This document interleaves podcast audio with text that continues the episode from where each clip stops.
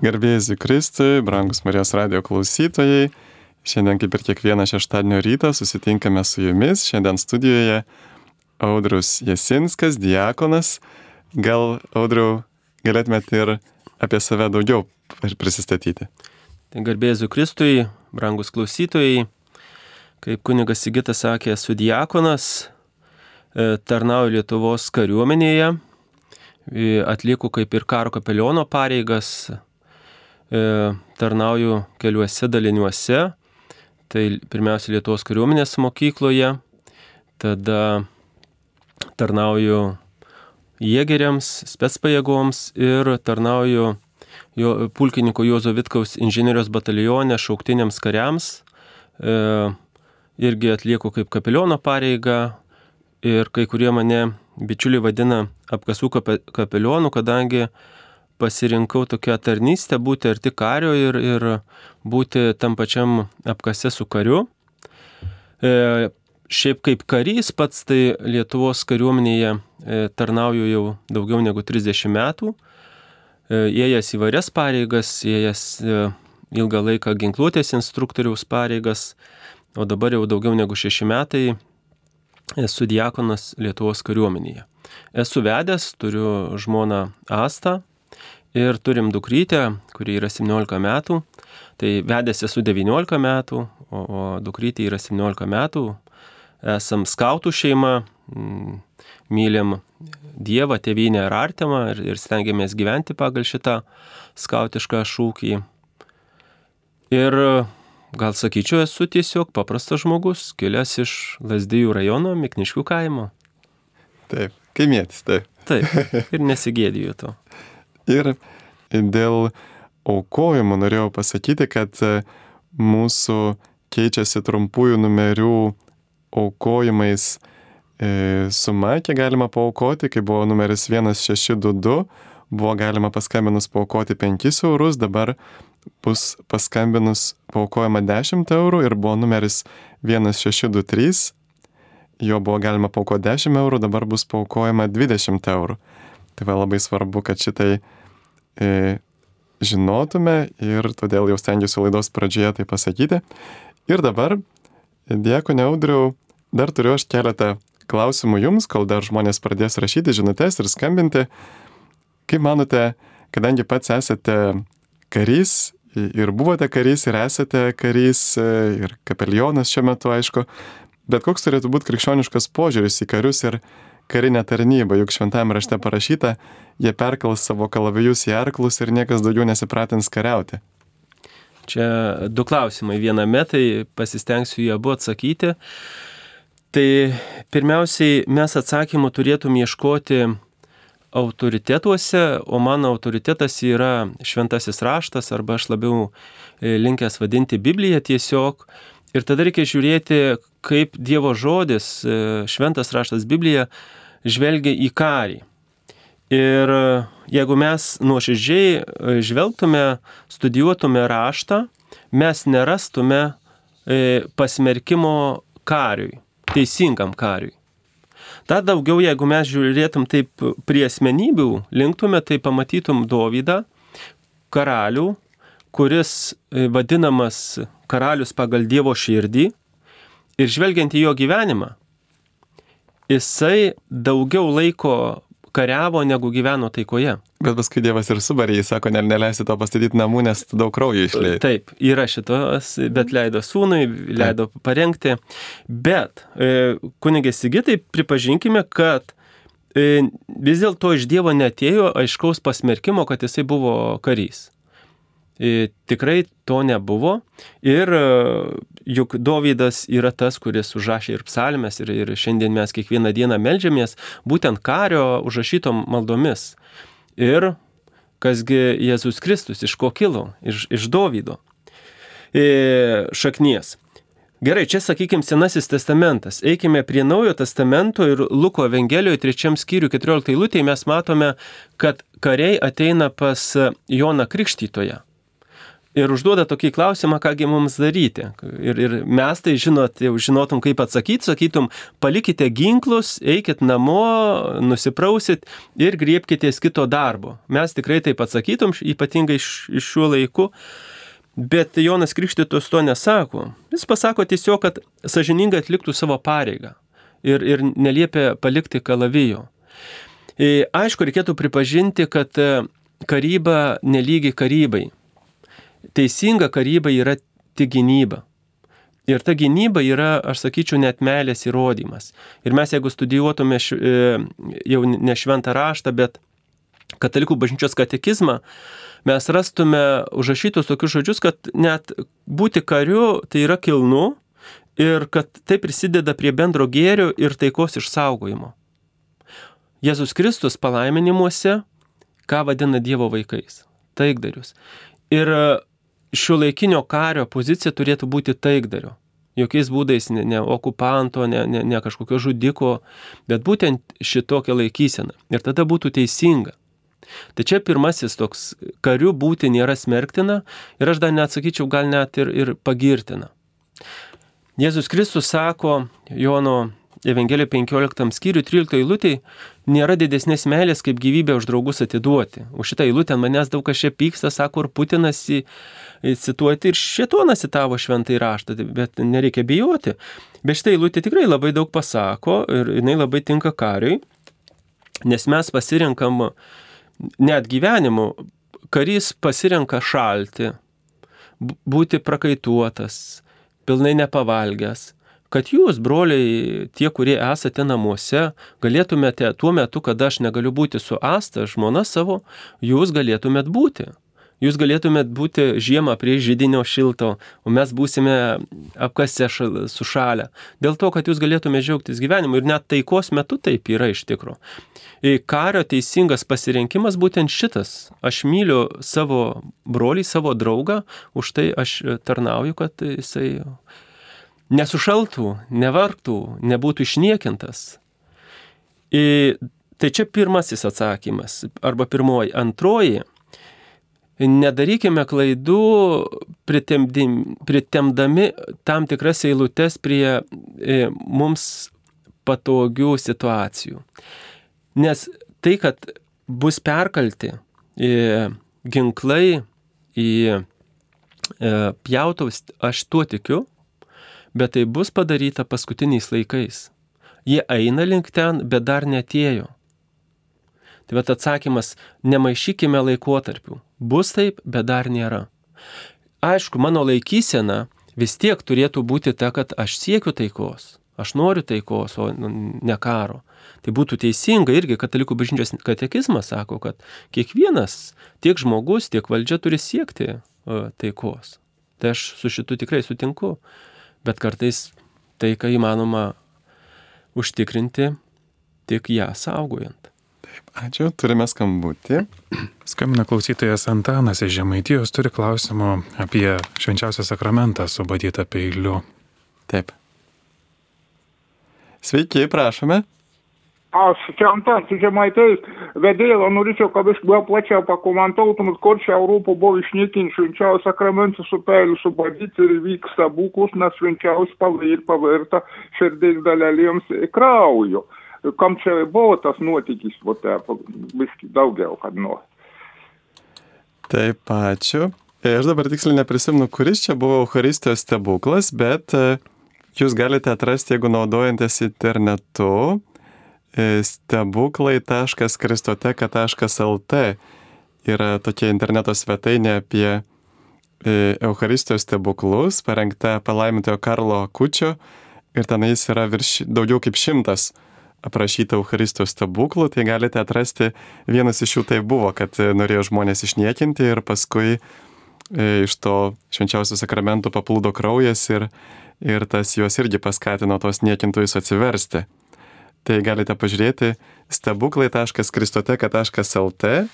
Tenais yra daug, tikrai pasaulyje yra įvykę keli šimtai Eucharistijos stebuklų, dažniausiai, kada iš jų pradėdavo tekėti kraujas arba jie pavirsdavo žmogaus e, iš pradžių mėsos gabalėlį ir paskui ištyrus paaiškėdavo, kad tai yra tikras širdies gabalėlis, kaip pavyzdžiui Lančiano mieste prieš 1200 metų arba Lenkijoje, Sokulkai, Legnicijoje arba Buenos Aires, Argentinoje.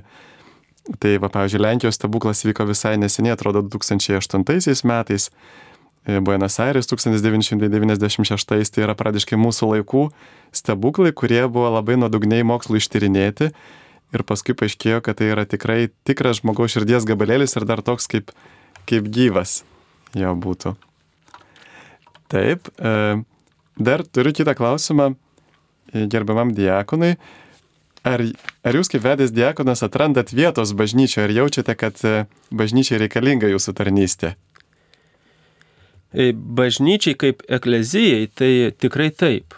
Ir e, aš nemanau, kad e, tas vedęs, nevedęs. Mes didžiausią gal klaidą darom, kai pradedam priešinti. Mes garsiai kalbam, kad santokai yra nuostabi dovana, o kartais sako, kad, kad liktai kliūdinys yra, tai jokiais būdais taip nėra. Aš pirmiausia, kai vedęs diakonas, tai turiu namuose didelį palaikymą savo tarnystėje, tiek, tiek žmonos, tiek dukrytės. E, o iš tikrųjų, kai mes, kadangi aš esu tos pirmosios kartos e, diekonai, dia, e, iš tos pirmosios kartos diekonų, tai aš atsimenu keletą straipsnių, kurie tikrai nebuvo mums draugiški, kad mūsų nepriims ir gal ir buvo kažkiek tos baimės, bet Dievas mus nustebino tuo, kad paprasti tikintieji mus labai draugiškai priėmė. Nes aš vis dėlto galvoju ne dėl to, kad kunigas, diakonas ar vyskupas, bet su kokia tu nuostata ateini pa žmogų. Ir ta nuostata turėtų būti tokia - aš tave myliu. Ir tada priims.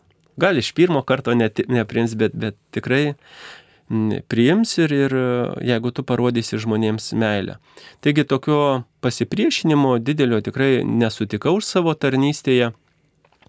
Gal kariuomenėje, jeigu kalbant, tai aišku reikėjo kariuomeniai ir, ir reikia užsitarnauti, gal tą pasitikėjimą, užsitarnauti, negaliu sakyti gal vertę, bet toks, nu, gal pasitikėjimą, kad žmogus galėtų kreiptis, žmogus tavim tikėtų, žmogus tave išgirstų, tai e, gal tiek, bet kažkokių sunkumų, kas liečia va tą e, paprastą žmogų, tikinti tai tikrai nebuvo.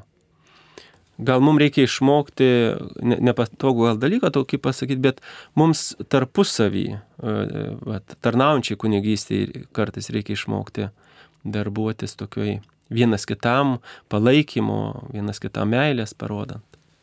Taip, ačiū. E, vienas klausimas dar. Šventajame testamente tokia ištrauka yra tūkstančiams rodo malonę, dovanoja kaltę, nusižengimą nuodėmę, na, tūkstančių kartų laimina, tačiau nepalieka nenubaudęs už tėvų kaltes vaikams ir vaikaičiams iki trečios ir ketvirtos kartos. Kaip suprasti šią ištrauką? Ar Dievas baudžia vaikus už tėvų prosenelių kaltes? Iš tikrųjų, čia yra e, sunkus klausimas ir e, tokio vieno atsakymo e, reikėtų irgi gal truputį privengti.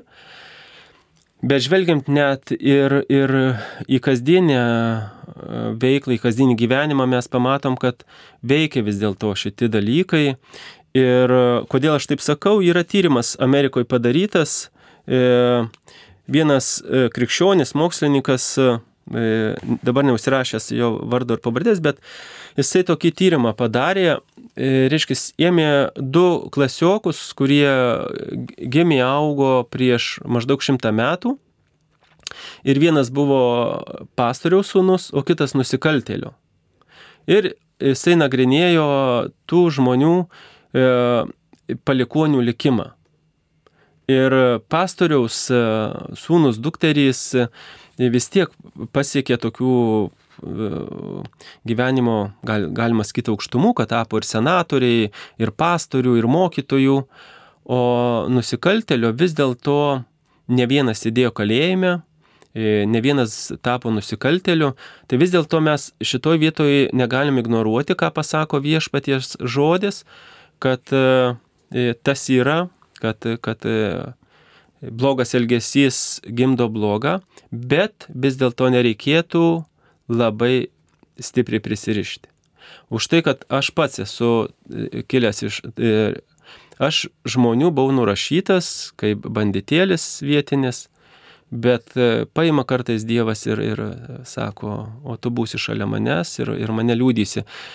Tai ne, nereikėtų labai taip siaurai tai žiūrėti, bet vis dėlto reikia pripažinti, kad tikėjimo dėsniai veikia ir, ir jeigu žmogus net gailaus, neatsivers, tai vis dėlto eisime tą linkme, kad mes paveldėsim ir darysim blogus darbus. O ir, ir...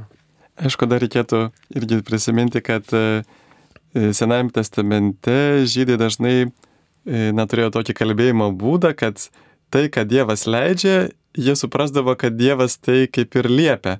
Nes iš esmės tai yra tiesa, bet ir Šventai Faustinai Jėzus sako, kad e, visi kūriniai, norėdami ar nenorėdami, žinodami ar nežinodami, vykdo Dievo valią. Tai iš esmės yra tiesa, kad, e, kad ir kas įvyktų, tai yra Dievo valia. Bet toji Dievo valia yra bendradarbiaujantis su žmogaus laisvė. Ir ta Dievo valia būtų kitokia, pasireikštų kitaip, jeigu žmogus atsilieptų į ją. Jeigu jisai nepasirinktų nuodėmės, tuomet e, nereikėtų galbūt ir žmogui per jėgą atimti to, prie ko jis yra prisirišęs ar panašiai. Tai žodžiu, Senajame testamente yra toks būdas kalbėti, kad e, tai, kad Dievas e, leidžia nenorėdamas, kartais autorius pasako, kad va štai Dievas taip ir padaro. Na pavyzdžiui, kad nubaudžia taip, nors iš tiesų tai yra tiesiog pasiekmė, e, neišvengiama pasiekmė, kad jeigu tėvai darys nuodėmės, tai kentės jų vaikai. Ir čia va Tomas Akvinėtis daro tą skirtumą, sako, reikia daryti skirtumą tarp Dievo valios, kurią jisai leidžia, nors ir nenorėdamas, pavyzdžiui, vykti karams, ir Dievo valia, kurios jisai trokšta, tas planas, kurį jisai duoda žmog, žmogaus laisvės, laisviai siūlo, bet žmogus į jį dažnai neatsiliepia. Ir dar e, pridariant e, kunigui Sigitui, norėčiau pasakyti, kad vis dėlto mums reikėtų Dievą pažinti labiau kaip e, meilę. Niekur nedingsta Dievo teisingumas, kartais mes norim išoperuoti tą teisingumą, tai irgi nėra teisinga, bet vis tiek mūsų didesnis pašaukimas, sakyčiau, pažinti Dievą kaip meilę ir ta meilė yra Jėzus Kristus. Nes Dievas yra meilė, tai pažinti tą būtent meilę per Jėzaus Kristaus e, kryžių ir, ir galimybę būti išgelbėtam būtent tik tokiu būdu. Taip, ačiū. Ar Dievą žudantį mažus vaikus, deginantį ir skandinantį miestus galima vadinti gerų dievų mylinčių žmoniją? Čia yra sunkus klausimai iš tikrųjų ir e, šiaip žvelgiant į šventą įraštą, tai mes matom, kad e, vis dėlto e, šito nebuvo iki tol, kol žmogus nenusidėjo. Ir net ir šitie dalykai vis dėlto yra nuodėmės pasiekmė. Dėl to, kad mes, mums Dievas paveda gamta rūpintis, o mes ją naudojamės arba išniekinam. Ir tada galim pasiekti šitokių dalykų. Kitas dalykas dėl vaikų, tai tikrai yra sunkus klausimai ir, ir man tekė laidoti kūdikį, kuris mirė motinos iššiose 8 mėnesį. Ir tikrai stovėjau prie duobės ir tylėjau, nes neturėjau ką pasakyti, nes žinau, kad visą ką pasakysiu, tai bus niekas ir kažkokia tuščia kalba. Tai yra dalykų, kur mes taip kaip ir ne viską suprantame, bet vis dėlto krikščionis e, gyvai tikintis, juk jisai tiki, kad jo miręs kūdikis yra ne kažkur kitur, o pasimylinti tėvą, kuris laukia kiekvieno sūnaus, kiekvieno dukros. Tai jeigu mes su tikėjimu turim šitą viltį, tai, tai tada vis tiek mes turime šviesą. Mes turime ir vis tiek pažįstam tą Dievą, kuris yra meilė ir kuris e, laukia kiekvieno iš mūsų. Taip, ir čia vėl grįžtant prie tos temos, kurie, aišku, reikia vis nuolat prie jos sugrįžti dėl smurto Dievo vardu šventajame rašte, tai čia reiktų labai gerai keletą dalykų, e, keletą tokių taisyklių įsiminti, kad visų pirma, šventas raštas nėra padiktuotas. Žmonės buvo Dievo įkvėpti, Ir Dievo žinia yra tai, ką e, tas autorius norėjo pasakyti, bet jis galbūt išreiškia visai kitaip. Na, pavyzdžiui, jeigu mes norim pasakyti, kad e, Žalgeris laimėjo prieš Lietuvos rytą ir sakom, Žalgeris sutriuškino Lietuvos rytą, tai žinom, kad mes tų kaulų jie tenais netriuškino. Ir jeigu ir pažiūrėtume į istoriją, pavyzdžiui, kai buvo tas e, paliepimas per Jozuje ten sunaikintos miestus ir panašiai, ir, ir paskui vėl toliau skaitome, kad jie nebuvo sunaikinti, kad žmonės gyveno ir vėliau Ir kad pati ta knyga irgi buvo parašyta galbūt po 200 metų po to, kai visa tai įvyko. Skirtingai negu Evangelijos. Pavyzdžiui, Evangelijos buvo parašytos e, esant gyviems liudininkams. Tuo tarpu Senojo testamento kai kurios knygos, ne visos, bet vėlgi kai kurios, nes yra daugybė autorių. Todėl turim labai skirti, kokia knyga parašyta, kokiu stiliumi ir, ir panašiai, kokiam tikslui. Buvo parašytos daug vėliau. Ir vėl ir tas dalykas, kaip minėjau, jau kad tas žydiškas supratimas, kad jeigu Dievas, jeigu taip įvyko, vadinasi Dievas leido, vadinasi ir Dievas liepia. Bet kaip matome, yra tas įskirtumas tarp to, ko Dievas nori ir ką jis įleidžia. Ir jo ir pagrindinis dalykas turbūt yra Jėzaus e, apreiškimas Naujajame testamente, nes jis yra, sako, aš esu vienintelis, kuris matė tėvą.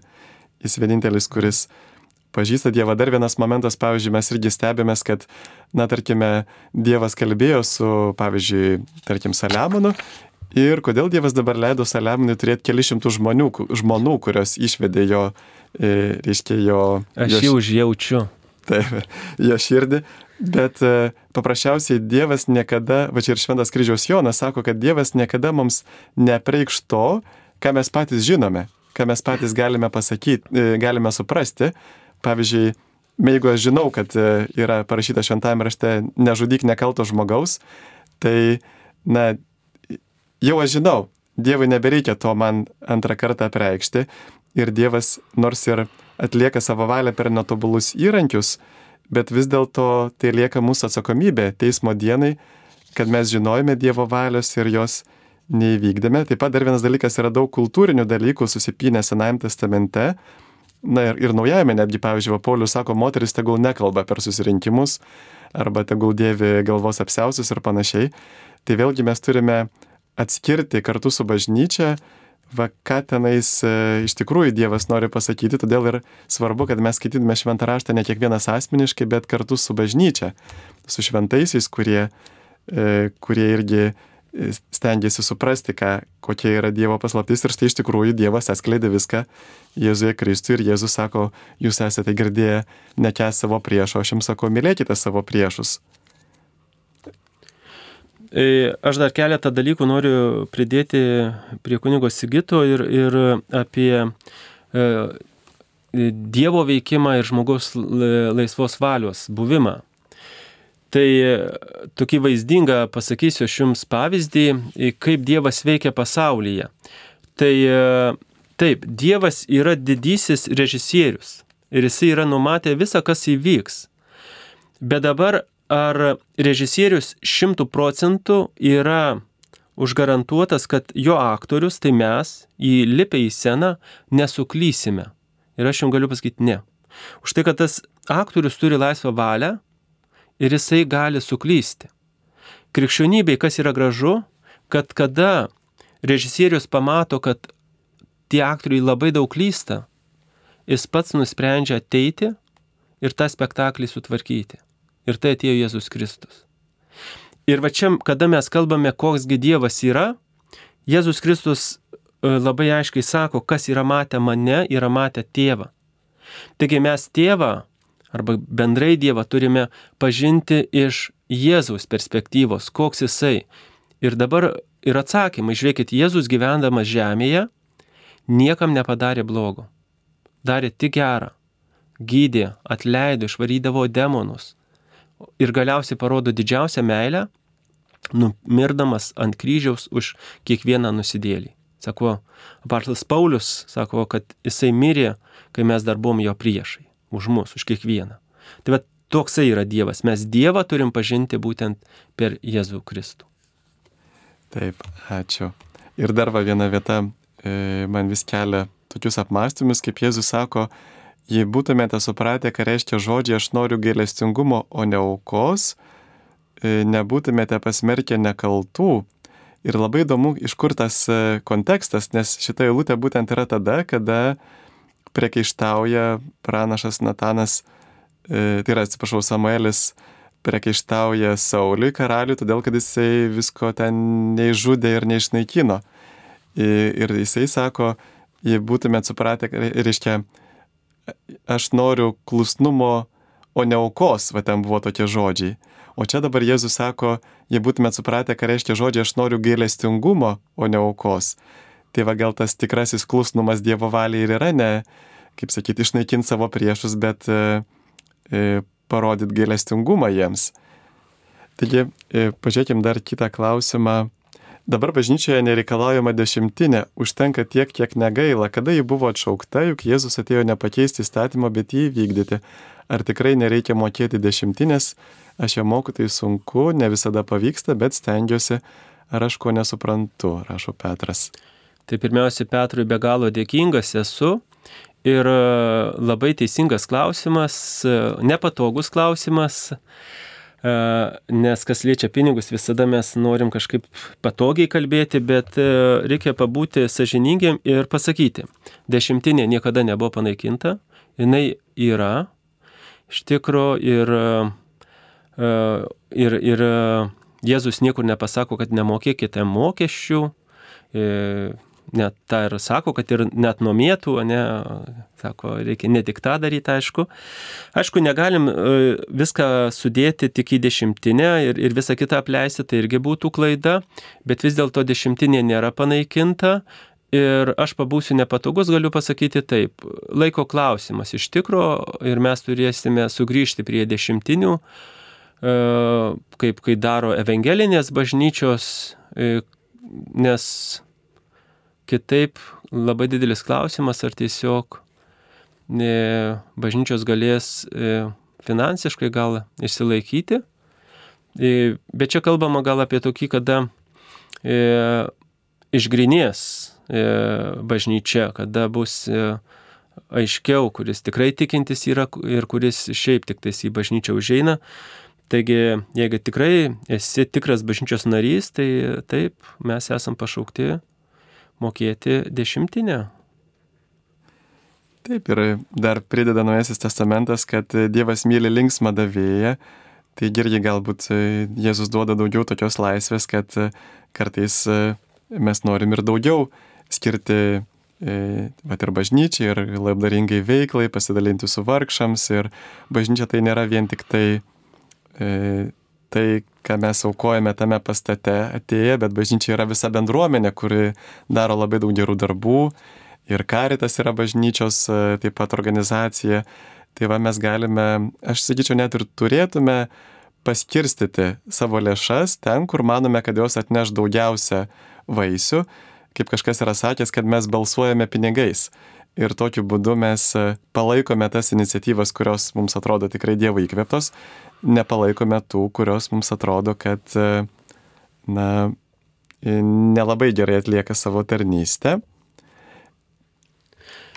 Aš dar dėl pačios dešimtinės dar vieną dalyką noriu pridurti, kad aš pastebiu, kad kartais mums bažnyčia tai nėra motina, bet tokia pamotė ir mes nenorim jai nieko duoti, nu, iš jos gauti norėtum gal dar, Bet aš kadangi turiu artimus ryšius su evangeliniam bažnyčiom, su baptistais, tai aš matau, kad pas juos yra dešimtinė, kuri veikia labai natūraliai. Ir įdomu tai, kad tie patys žmonės, bažnyčios nariai, tada, kada jie pradeda mokėti dešimtinę, jie pradeda jausti atsakomybę už savo bažnyčią. Jie pasidaro namiškiai, jiems viskas rūpi, kaip vyksta skelbimas, kaip grindys išplautos, nes jiem e, bažnyčia nėra pamotė, o motina. Ir įdomu tai, kad dešimtinė labai stipriai suveikia. Ačiū. Dar vienas klausimas. Noriu sužinoti, ar Dievą mylėti reiškia nedaryti nuodėmių. Ir antras klausimas, ką suteikia mirusiems mišios ir maldos. Tai pirmą dalį aš pasistengsiu atsakyti, antrą atiduosiu kunigui Sigitui.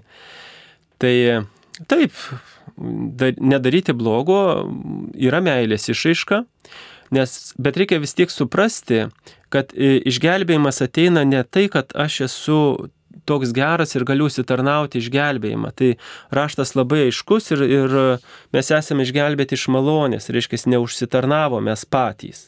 E, Dievas e, atsiunčia sūnų, kad numirtų už nusidėlius e, ir įrodytų tą meilę, įvykdytų atpirkimą, bet po to seka mano gyvenime dėkingumas.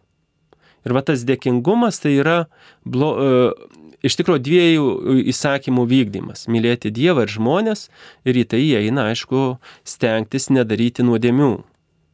Dabar kiek mano jėgose čia irgi reikėtų žiūrėti, čia reikėtų gal plačiau tada kalbėti iš moralinės teologijos, kiek, kiek aš galiu ir turiu jėgų e, nedaryti nuodėmės, Ir reikia pripažinti, kad mes visi vis tiek vienaip ar kitaip, nors atsivertę esame įtikėję, bet vis tiek gyvenam čia ant žemės ir turim tą Adomo geną. Jisai niekur neišnyko, bet mes pašaukti e, geriems darbams ir net vat iš rašto aš noriu pasidalinti vieną eilutę. E, tai laiškas bus Efeziečiam, taip, taip, taip. Taip, aš per tą laiką. Taip, atsakyk į... Aha, per tą laiką dar į, į, į tą antrą klausimą apie mišes, ką mišios ir maldos duoda mirusiesiems. Tai yra antroje Makabėjų knygoje, Senajame testamente, iš deuterokanoninių knygų, tokia eilutė, kad e, šventai ir išgandinga mintis melstis už mirusius. E, tai reiškia, kad e, jeigu egzistuoja skaistikla, bažnyčia tiki, kad egzistuoja tokia būsena kaip skaistikla ir pats pavadinimas skaistiklos jis atsirado vėliau, bet Naujajame testamente yra pakankamai užuomenų apie tai, apie ugnį, kad e, štai žmogus išsigelbės, bet tartum per ugnį ir viskas sudegs jų šio darbų, pavyzdžiui, kaip rašo Paulius, arba kitoje vietoje apie kalėjimą, kad esančia, kalėjime esančiams dvasioms Jėzus e, nusileido į pragarus, arba E, štai ir Jėzus irgi kalba apie tai, kad jeigu tu net leisi, tai turėsi, bus įmestas į kalėjimą ir turėsi atsiteisti iki paskutinio skatiko. Taigi, vad, kalėjimas, ugnis yra tie skaistyklos įvaizdžiai Naujajam testamente ir atrodytų, ir kartu ir tai yra loginė išvada, kad tai yra būtina tokia būsena, nes parašyta apreiškimo knygoje, kad niekas suteptas, niekas nešventas į dangų neįeis. Mes, mes žinome, kad šventų žmonių yra nedaug na, bent jau kurie gyvena šventai, aišku, mes galime sakyti, kad šventi kartu yra ir visi tie, kurie priima Kristų nuoširdžiai, atsiverčia ir jie yra šventi Kristaus šventumu, bet vis dėlto Dievas kviečia ne tik klausyti jo žodžio, bet ir įvykdyti. Matome, kad nėra daug žmonių, kurie vykdo Dievo žodį ir kaip tada bus su jais, kurie buvo nei šaltiniai karšti, nei, nei, tai prasme, nei šaltiniai karšti, e, buvo drungni. Taigi e, yra tas toksai, viena vertus Dievo gailestingumas leidžia jiems e, išsigelbėti, bet kita vertus Dievo teisingumas jiems tarsi reikalauja atsiteisti ir mes galime, kaip ir žmogiškame gyvenime, sumokėti kitų skolas. Tai štai malda yra bandymas sumokėti kito žmogaus skolą Dievo teisingumui, o šventosios mišios yra tiesiog aukojimas paties Jėzaus. Na ir, ir kiekvienoje maldoje mes vienėme su Jėzumi, bet ypatingai per šventasias mišes mes aukojame kartu su Jėzumi vienydamėsi su jo auka, pridėdami savo aukas, savo maldas, e, prašome, bandom permaldauti tėvą už mūsų ir pasaulio nuodėmės. Taip. O aš dar pridedant prie to pirmos dalies atsakymo, tai krikščionio laikysena būtų teisinga remiantis raštu ir žvelgiant į laišką Efeziečiams antram skyriui nuo 8 iki 10 eilutės e, Paulius užrašo, nes jūs esate išgelbėti malonę per tikėjimą. Tai reiškia, kad e, mes esame išgelbėti ne dėl to, kad mes čia šaunus ir tai ne iš jūsų, tai Dievo dovana, sako Paulius. Ir ne dėl darbų, kad kas nors nesigirtų, Ir čia atrodytų, aha, aš atsiverčiau ir dabar galiu gyventi kaip noriu. Ir čia man kai kurie e, man šitą dalyką primeta, kad, vat, reiškia, atsivertė ir dabar tu gali gyventi kaip nori. Ne, Paulius čia nesusto ir sako toliau. Mes esame jo kūrinys, sukurti Kristuje Jėzuje geriems darbams. Iškisi taip, aš esu išgelbėtas per jo malonę ir prie to aš neprisidėjau, bet po to mano pašaukimas daryti gerus darbus. nes tai numatė per Jėzų Kristų tėvas, kuriuos Dievas iš anksto paskyrė man atlikti. Taigi čia teisinga laikysena išgelbėtas per malonę, bet turiu gyventi pagal savo pašaukimą, kurį Dievas yra numatęs prieš laikus, net galėčiau pasakyti. Taip, ačiū. E, dar vienas klausimas. Kaip suprasti Jono 18.28, Jėzus atvedamas pas pilotą jau suvalgęs Velykų avinėlį, o jie atvedusiai į žydę Velykų avinėlį dar tik ruošiasi valgyti, kodėl vienos paros skirtumas. Na čia e, irgi teko ieškoti, yra keletas skirtingų paaiškinimų. Vienas paaiškinimas gali būti, kad e, jau išvakarės irgi buvo, e, žydai švesdavo tas šventės išvakarėse, bet dar kitas, kad e, Jėzus tengiasi perduoti tam tikrą tokią teologinę žinutę, švesdamas e, Velykų šventes, e, būtent tą datą, kuri buvo švenčiama prieš Babilonijos tremtį. Mozės ir išėjimo iš Egipto metu laikais, nes paskui tas laikas buvo šiek tiek pakeistas, pavėlintas. Ir tuo tarsi Jėzus nori pasakyti, kad štai ir vėl jisai yra tasai Mozė, kuris išveda žmonės iš nuodėmės Egipto, iš nuodėmės vergyjos ir kad e, štai jau nebėra tas laikas, kada jie yra nuodėmės arba Babilonijos tremtyje, arba nuodėmės dvasinė prasme tremtyje, nuodėmės vergyjoje, bet kad jis yra tas, kuris išves juos iš vergyjos. Ir todėl jisai valgo pagal seną paprotį anks, anksčiau. Tai vienas iš galimų paaiškinimų. Toliau E, kam reikia šventinti rožančių klausytojas. Na kaip, e, pašventinti daiktai, pašventinti, pašvesti reiškia, kad tai yra paskirta vien tik tai Dievui. Kad, pavyzdžiui, su rožančiam negalima, tarkime, mušti žmonių, kurie tau nepatinka ar panašiai, ar mūsų vaikyti. Tai yra Dievui pašvestas dalykas ir, kaip rodo egzorcistų patirtis, kad piktoji dvasia labai bijo šventintų daiktų, šventinto vandens ir kartu tai yra tokia, na, galėtume sakyti, ir mūsų apsauga nuo piktosios dvasios, aišku, įveikia ne magiškai, bet per mūsų tikėjimą. Jeigu mes tikime, tada Dievas gali veikti. Prisiminkime, kaip Jėzus e, sakydavo, kad e, čia nieko negalėjo padaryti. Jo, nu, autorius Evangelijos rašo, kad Jėzus negalėjo padaryti jokių, jokių ženklų ar stebuklų, nes ten žmonės netikėjo juo gimtinėje. Tai va, tai turbūt yra pašventimas Dievui ir e, tai mums padeda maldoje, pašventinti objektai mus irgi saugo nuo piktosios dvasios polimų. Aš dar dėl avinėlio e, truputį. Reikėtų, aišku, gilesnio panagrinėjimo. Aš dabar, kai tik e, šventam rešte skaitau E, penkiaknygę, tai netaip seniai baigęs kunigų knygą. Ir ten mes matome, kad iš tikrųjų tų avinėlių paukojimų labai daug, iš tikrųjų. Ir, ir reikėtų žiūrėti paskos avinėlis ar avinėlis už nuodėmės. Ir jų buvo aukojama tiek ryte, tiek vakare. Tai tų paukojimų tikrai buvo daug daugiau. Ir nereikėtų prisirišti tik prie vieno aukojimo. Taip, ačiū. E, kodėl mes vadiname e, tėvais ir mokytojais kunigus, ar Jėzus neliepia niekam nesivadinti tėvais, juk turime vieną tėvą danguje? Šitą klausimą teisingai man užduodat, kadangi esu evangelikų draugas. Tai tikrai jie kažkaip labai taip stipriai šitą, šitas eilutes Jėzaus sureagavę ir jie jokiais būdais e, ne, ne, nepavadintų savo pastoriaus tėvu. Uh, tik broliu. E, bet mano brolis diekonystėje, Benas Ulevičius, tai turi net paskaitą apie tą vadinti tėvą ar nevadinti. Ir jeigu mes žiūrėtume jau apaštalas Jonas, vis dėlto vadina ir, ir tėvais, ir vaikais. E, reikėtų šitoje vietoje vis dėlto aš labiau, sakyčiau, žvelgti į kontekstą. Kodėl Jėzus sako, kad vat, nesivadinkint mokytojais, nes yra vienas e, rabis, yra vienintelis mokytos, tai yra Kristus. Kodėl tėvu, nes yra tėvas danguje. Už tai, kad to laiko e, fariziejai, rašto aiškintojai e, būtent labai pabrėžia, kad jie yra išskirtiniai, kad jie yra nelygus e, jums, yra aukštesni, jie yra tėvai, jie yra mokytojai, o jūs esate žemiau.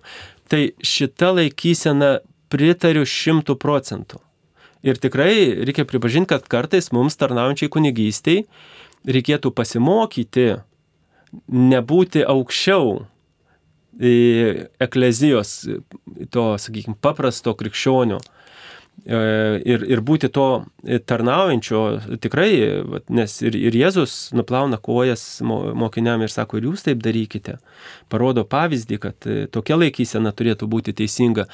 Tai šitoj vietoje reikėtų žvelgti į kontekstą ir e, kontekste tikrai pritariu, kad nereikėtų pasikelti, pasididžiuoti, pasipūsti, paplatinti diržus, kaip Jėzus sako, ne, ir, ir parodyti, kad aš čia tai esu tėvas, o, o kas tu toks esi.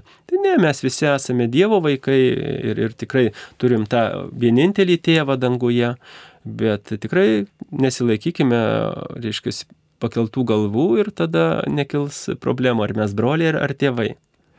Taip, ir čia e, labai gerai e, brolis Diekonas į tai atsakė, nes iš tikrųjų svarbu žiūrėti tą intenciją, kodėl Jėzus to norėjo, nes, nu, žinot, tas aklas klusnumas kartais gali būti labai, labai toksai. Bet, bet aišku, mums yra nesunku nesivadinti tėvais, tai kodėl tas atėjo į bažnyčios tradiciją, būtent todėl vienolynuose paprastai yra brolių, kurie yra neturi kunigystės šventimų ir yra broliai, kurie turi kunigystės šventimus. Tai tiesiog, kad tai būtų lengviau juos atskirti, kad žinoti, pas kurį galėti iš pažinties. Tai e, vieni vadinami broliais, kiti vadinami tėvais vienuolynė. Tai paprastai tėvas turėtų būti ne kunigas, bet vienuolis kunigas e, vadinamas paprastai. E, bet aišku, geriau turbūt mums nusižeminti ir vadinti broliais ir nenorėti pataikauti irgi kitiems. Ir dar va vienas dalykas, kad ir Paulius sako pirmam laiškė korintiečiams, ketvirtam skyriui, nors turėtumėte tūkstančius auklėtųjų Kristuje, bet nebus kelių tėvų, nes paskelbdamas Evangeliją, aš esu tapęs jūsų tėvų Kristuje Jėzuje. Taigi vėlgi čia irgi kalba apie tokią dvasinę tėvystę, e, bet jisai atrodo, kad čia nesipuikuoja, tai irgi gali pavadinti žodį tėvas. Tai pritarint tau Sigitai ir, ir Pauliui, mano mylimam, tai mes labiau turėtum kaip dvasininkai rūpintis, kad mes būtum tie tikrai e, širdies tėvai. Ne savo laikysena, bet va širdim, meilė, rūpeščių. Aš žinau, ką reiškia būti tėvu, nes turėjau stėję. Ne visada pavyksta man galbūt, ne viską suprantu, kaip reikia būti geru tėčiu, bet vis tiek. Vat. Tai šituo atveju, tai man atrodo, niekas net nepyktų ant mūsų, kad mes e, save tėvo ar mus pavadintų, jeigu būtų vat, tokia širdis. Iš tikrųjų, aš e, galiu pasidžiaugti, gal net ne vienu kunigu, bet, bet dabar man iš karto iškilo tai e, kunigo Vaškelio, Vytenio E, vaizdas prieš akis, tai tikrai man jį vadinti tėvu nėra visiškai sunku, nes jo laikysena yra tėviška. Tai tikrai žmogus, kuris gali tave ir sustiprinti ir, ir savo gyvenimu, savo dvasingumu būti tuo tikrai panašiu, net sakyčiau, į tą tėvą, kuris yra danguje. Ačiū. Dar vienas klausimas, kokiu domenu mes turime, kad mūsų tikėjimas pats teisingiausias ir kaip bus nubausti tie, kurie buvo priversti gyventi kitur, priimant kitą tikėjimą? Pirmiausia, man įdomu, kodėl mes kalbam apie bausmę. E, Dievas apskritai neteina bausti, o gelbėti. Mes kartais galvom, kad Dievas ateina, čia mūsų patirtis gal kažkokios iš vaikystės atėjo, kad bausti. Nebausto mylėti Dievas ateina Ir iš tikrųjų, žvelgiant į raštą ir į bažnyčios mokymą, Dievas nepareikalaus daugiau iš žmogaus, negu jam leido pažinti. Tiek, reiškia, aš galbūt kitoje kultūroje, aš tiek pažinau Dievą, aišku, yra čia kitas, jeigu kalbant klausimas plačiau, tai jeigu aš atmečiau Jėzų Kristų, tada reikia nebijoti pripažinti, kad jau čia problemos yra, jau, jau čia šansų mažai. Ir, ir tai mes dar nežinom visų širdies nusistatymų ir Dievo santykių, bet e, šiaip e, Dievas nepareikalaus daugiau, negu leido pažinti. Bet reikia pripažinti, jeigu aš pažinau, kad Jėzus Kristus, Jono Evangelijoje sako, aš esu kelias, tiesa ir gyvenimas. Ir nėra kito kelio nueiti pas tėvą kaip tik per mane. Ir štai eilutė labai yra svarbi ir kada mes sakom, nu, tai mes, tai visi žmonės kažkuo tiki, kažkaip, kažkaip tiki, tai vis dėlto vienintelis kelias yra. Vienintelis kelias, kuris turi vardą, tai yra Jėzus Kristus. Jėzus Kristaus kelias, greitkelis, ar kaip mes pavadinsim, kuris gali nuvesti pas tėvą. Bet jeigu tu nepažinai to kelio, Tai tikrai Dievas nėra tas e, piktasis baudėjas, kuris, kuris e, paims dabar ir tave pasmerks e, dėl to, kad tu nepažinai.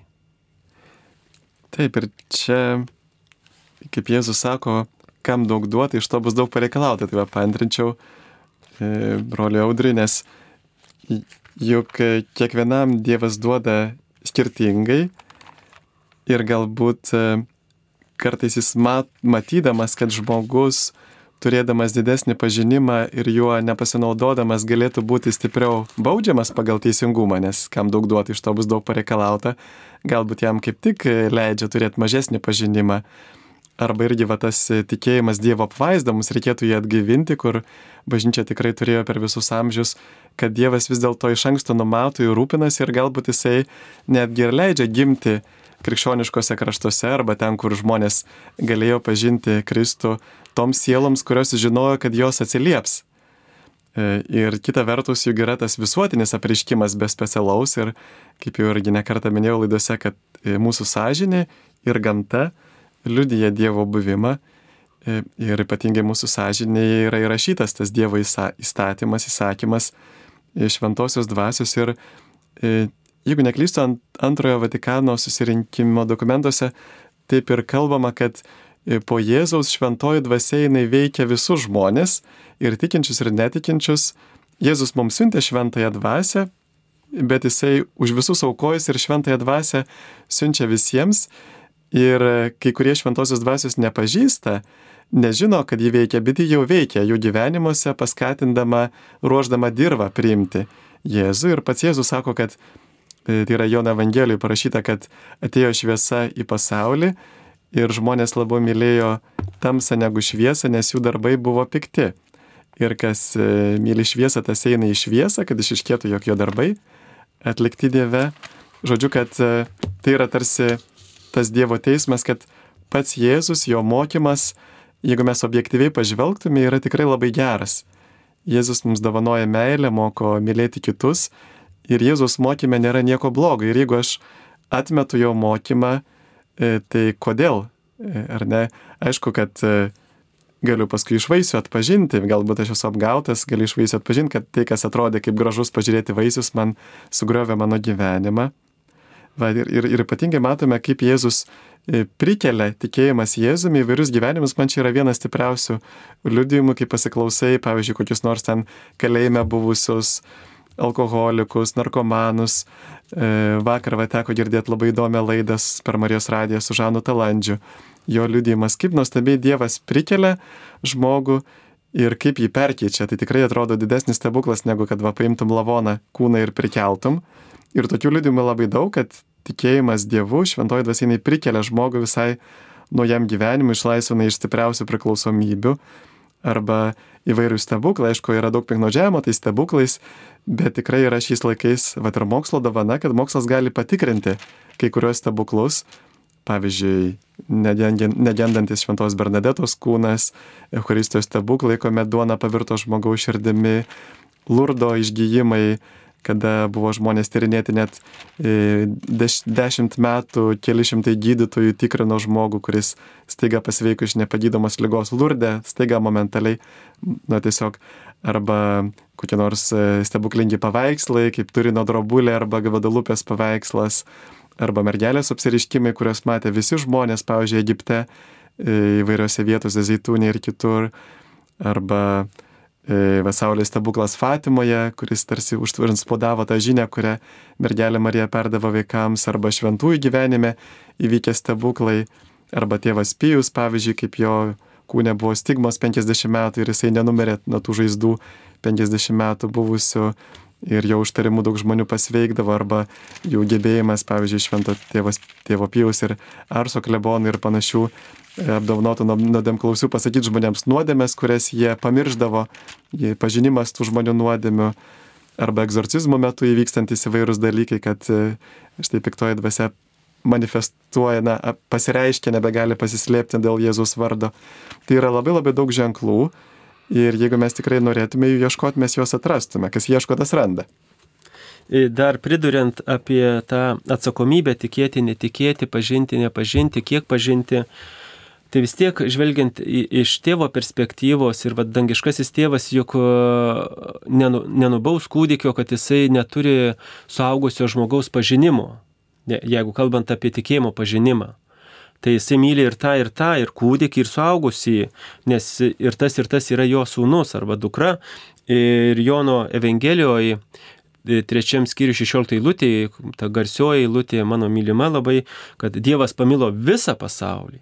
Ne, aišku, jis parodo tą per sūnų, kad Dievas pamilo visą pasaulį, atsiuntė sūnų ir aišku, mūsų pašaukimas tikėti ir va čia ir ateina mūsų truputį atsakomybės, kiek aš kaip diakonas Audrius prisidedu prie to, kad tas, kuris nepažįsta to kelio, kad pažintų. O mes kartais tokį vat stovim vidury kelio ir, ir, ir žiūrim, ar kas ką nors padarys. Bet mes esam kiekvienas pašauktas. Tad eikite ir padarykite mano mokiniai, sako Jėzus. Visų tautų žmonės, vėl visų tautų žmonės. Taigi tėvas myli ir tą, ir tą, bet mano atsakomybė yra paliūdyti tą tikrą į tą, kad žmogus galėtų siekti brandos, kad galėtų vėliau pasakyti, kad kiekvienas, kuris regė sūnų ir tiki, turi amžinai gyvenimą, kad pamatytų ir įtikėtų žmogus ir per tai turėtų amžiną gyvenimą. Ir čia jau yra mano atsakomybė. Ačiū.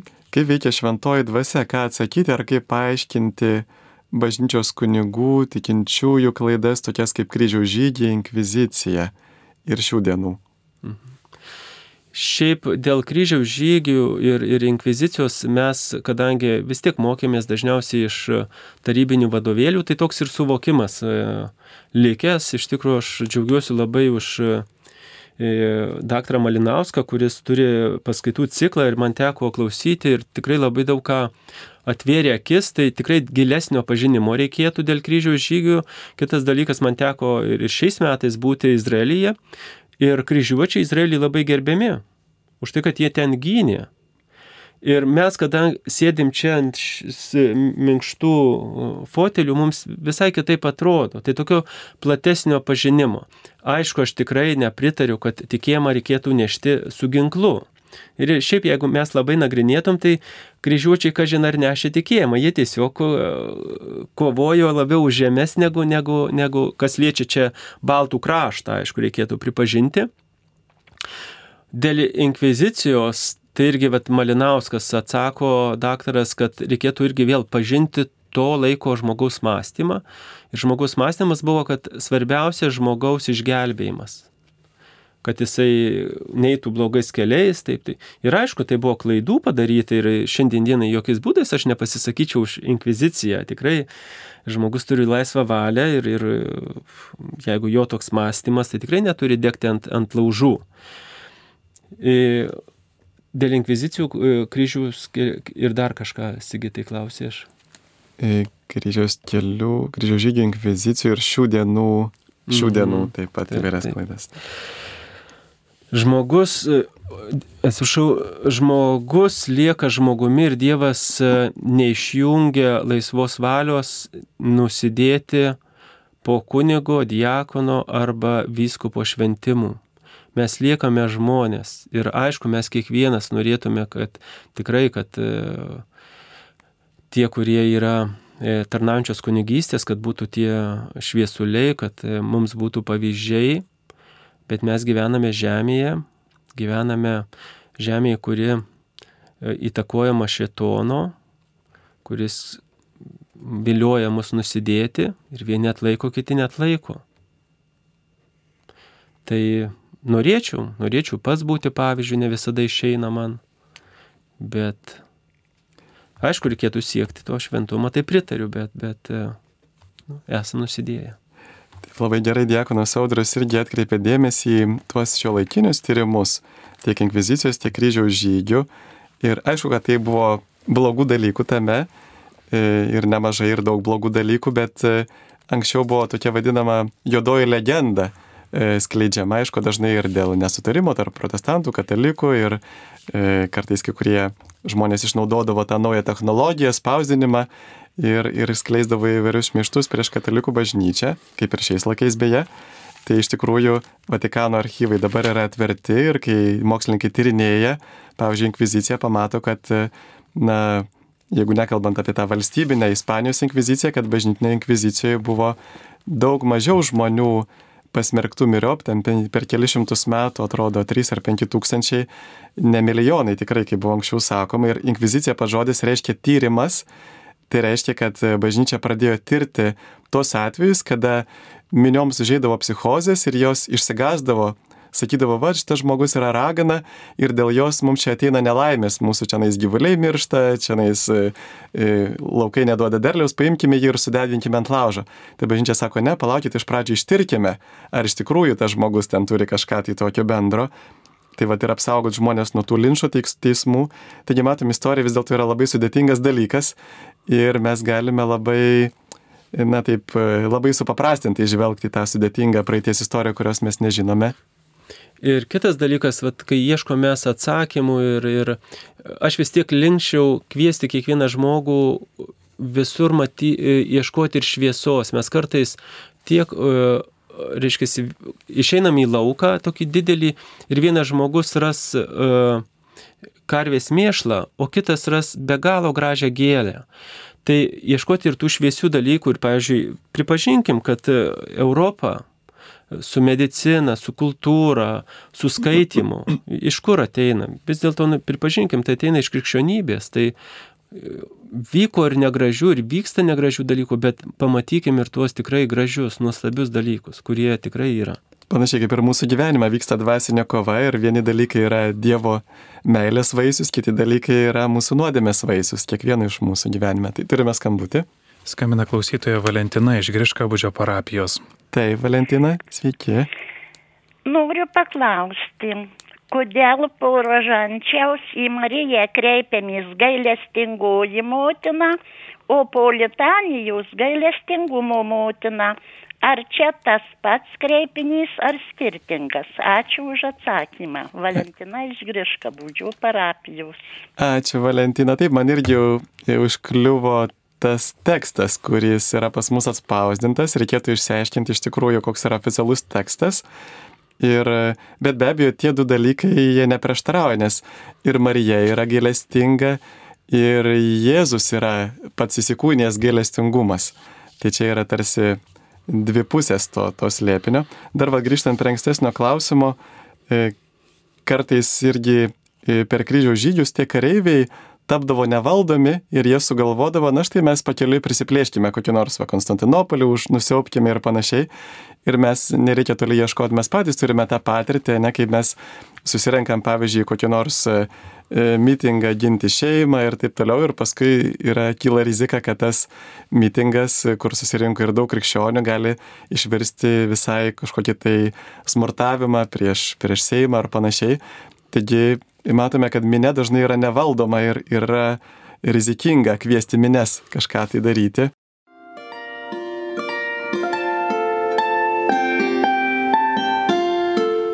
Jūs girdite Marijos radiją.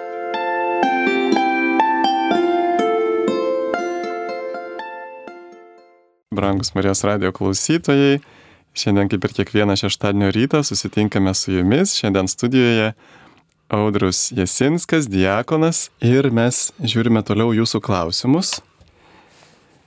Taip, kas yra Gogas iš, ma, iš Magogo? Na tai tiesiog e, Senajame testamente tai buvo e, žmonių su žydais kovojančių iš šiaurės vadas, jo valdama žemė, Gogas ir Magogas ir na, jie tokie, kurie kovoja prieš Izraelio tautą, o Tuo tarpu kartu yra prieškime Jonui irgi yra simbolis tų vadų, kurie kovoja prieš Mesiją. Na tiesiog Mesijo priešininkai dar vadinami. Tai tiesiog e, simbolis tų, kurie e, kovoja prieš Jėzų, ypatingai prieškimo knygoje. Prieš skaitydama šventąjį raštą paklausiu mano viešpatie Jėzau Kristau, ką tu man sakai šiai situacijai, šiai akimirkai. E, taip, tiesiog e, žmogus pasidalina, kad e, e, reikėtų paklausti Dievo, na, kad šventą raštą reikėtų skaityti ne tik tai kaip kokį ten e, negyvą knygą, bet e, su malda. Tikrai taip, nes e, šventas raštas, Biblija, juk yra ne žmogaus norų užrašyta, bet e, noras tai buvo Dievo. Ir su tikslu tai yra, tikrai galima sakyti, meilės laiškas kiekvienam iš mūsų ir kryptingai mums parašytas. Už tai tas ir santykis turi būti e, ne, nedarbinis, bet e, turi veikti ir širdis, aš sakyčiau. Taigi malda tikrai labai sveikintina, kad yra šventajame rašte. Ir pasiūlyčiau tokį, vad gal dėl švento rašto studijavimo, skaitimo, tai aišku, gal ką kalba man, bet vis tiek reikėtų žiūrėti ir konteksto.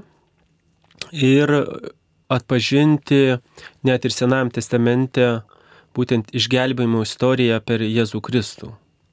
Mano būtų toksai gal pasiūlymas, kad skaitant. Ir gal vis dėlto aš esu šalininkas, kad raštą reikėtų skaityti nuo pradžios iki galo, o ne e, padaryti tokią stebuklų knygelę, kad šiandien tai ką aš atsiversiu, tą perskaitysiu. Gal nėra blogiausias variantas, bet vis dėlto, žinot, jeigu meilės laišką e, vyras žmonai arba žmona vyrui parašo, tai vis tiek perskaitai visą. Tai irgi manau, kad raštą reikėtų perskaityti visą, net ir tas sunkes vietas, kurias sunkiau suprasti, paieškoti gal dvasios tėvo, e, dvasios palydėtojo, kuris galėtų galbūt e, man padėti, paaiškinti. Aš vis e, sakydavau, kad kiek teko kunigauti, kad tai buvo pats rečiausias klausimas, kokį žmonės užduodavo, būtent apie Biblijos tam tikrą supratimą. Žmonės vis sakydavo, aš nesuprantu tos Biblijos, ten sunku suprasti, Bet tai buvo pats rečiausias klausimas, žmonės, kurį žmonės užduodavo. Ja. O mano patirtis, aš šiandien eidamas į studiją, aš atsinešiau Bibliją, šventą raštą ir, ir ėjau per miestą ir galvoju, vat, kiek žmonių dar sutiksiu. Tai nesutikau, aišku. Bet kas vat, smagu, aš Londone buvęs kelis kartus per gyvenimą. Tai tikrai esu matęs vaizdą, kai važiuoja e, mergina metro ir tiesiog turi Bibliją, skaito ją E, aišku, šiais laikais galima, gal kitas vaikinas sėdi ar mergina ir telefonę skaito, daug dievė, kad taip būtų. Ir apie supratimą, man irgi kartai žmonės sako, Pat Sigitui beveik neuždavė klausimų, man kartai sako žmonės, jie aišku, nei karto būna neskaitę, bet sako, sunku ją suprasti, jie kažkur vat išgirdę. Ir e, toks pavyzdys, kad e, turiu, kaip ir minėjau, draugų baptistų ir pas juos bažnyčioje yra E, ne viena močiutė, bet viena močiutė, kurios vardas Janina. Ir jie yra virš 80 metų, nėra baigus kažkokių aukštųjų mokslų, didžiulių studijų, bet jinai skaito ir supranta. O kitas žmogus atrodo baigęs ir daug mokslų ir skaito ir nesupranta. Ir aš sakyčiau, čia atsakymas gal būtų e, santykis su autorium, santykis su Dievu. Koks yra mano santykis? Jeigu man santykis yra, kad e, mylintis tėvas man parašė šią meilės knygą, meilės laišką, aš tada suprasiu. Bet jeigu tiesiog tik knyga, tada turėsiu sunkumų. Ačiū. Mokslas jau įrodė Turino drobulės autentiškumą, o kodėl Vatikano universiteto laboratorijose negali pagrysti, parodyti Dievo kūno ir kraujo transubstanciacijos fakto, nes kai imi komuniją, tai ta pati duona fiziškai, kokia buvo prieš pasikeitimą. Na, šitą norėčiau atsakyti klausimą. Jėzus sako palaiminti, kurie tiki nematė.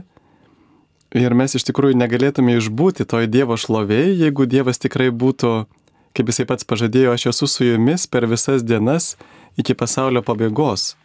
Jisai pasilieka su mumis būtent e, ir dvasiniu būdu e, per šventąjį raštą, per e, apskritai šventąją dvasę mūsų susirinkimus, bet kartu ir fiziniu būdu švenčiausiame sakramente ir mes tiesiog negalėtume ištverti Dievo šlovės, jeigu jisai apsireikštų.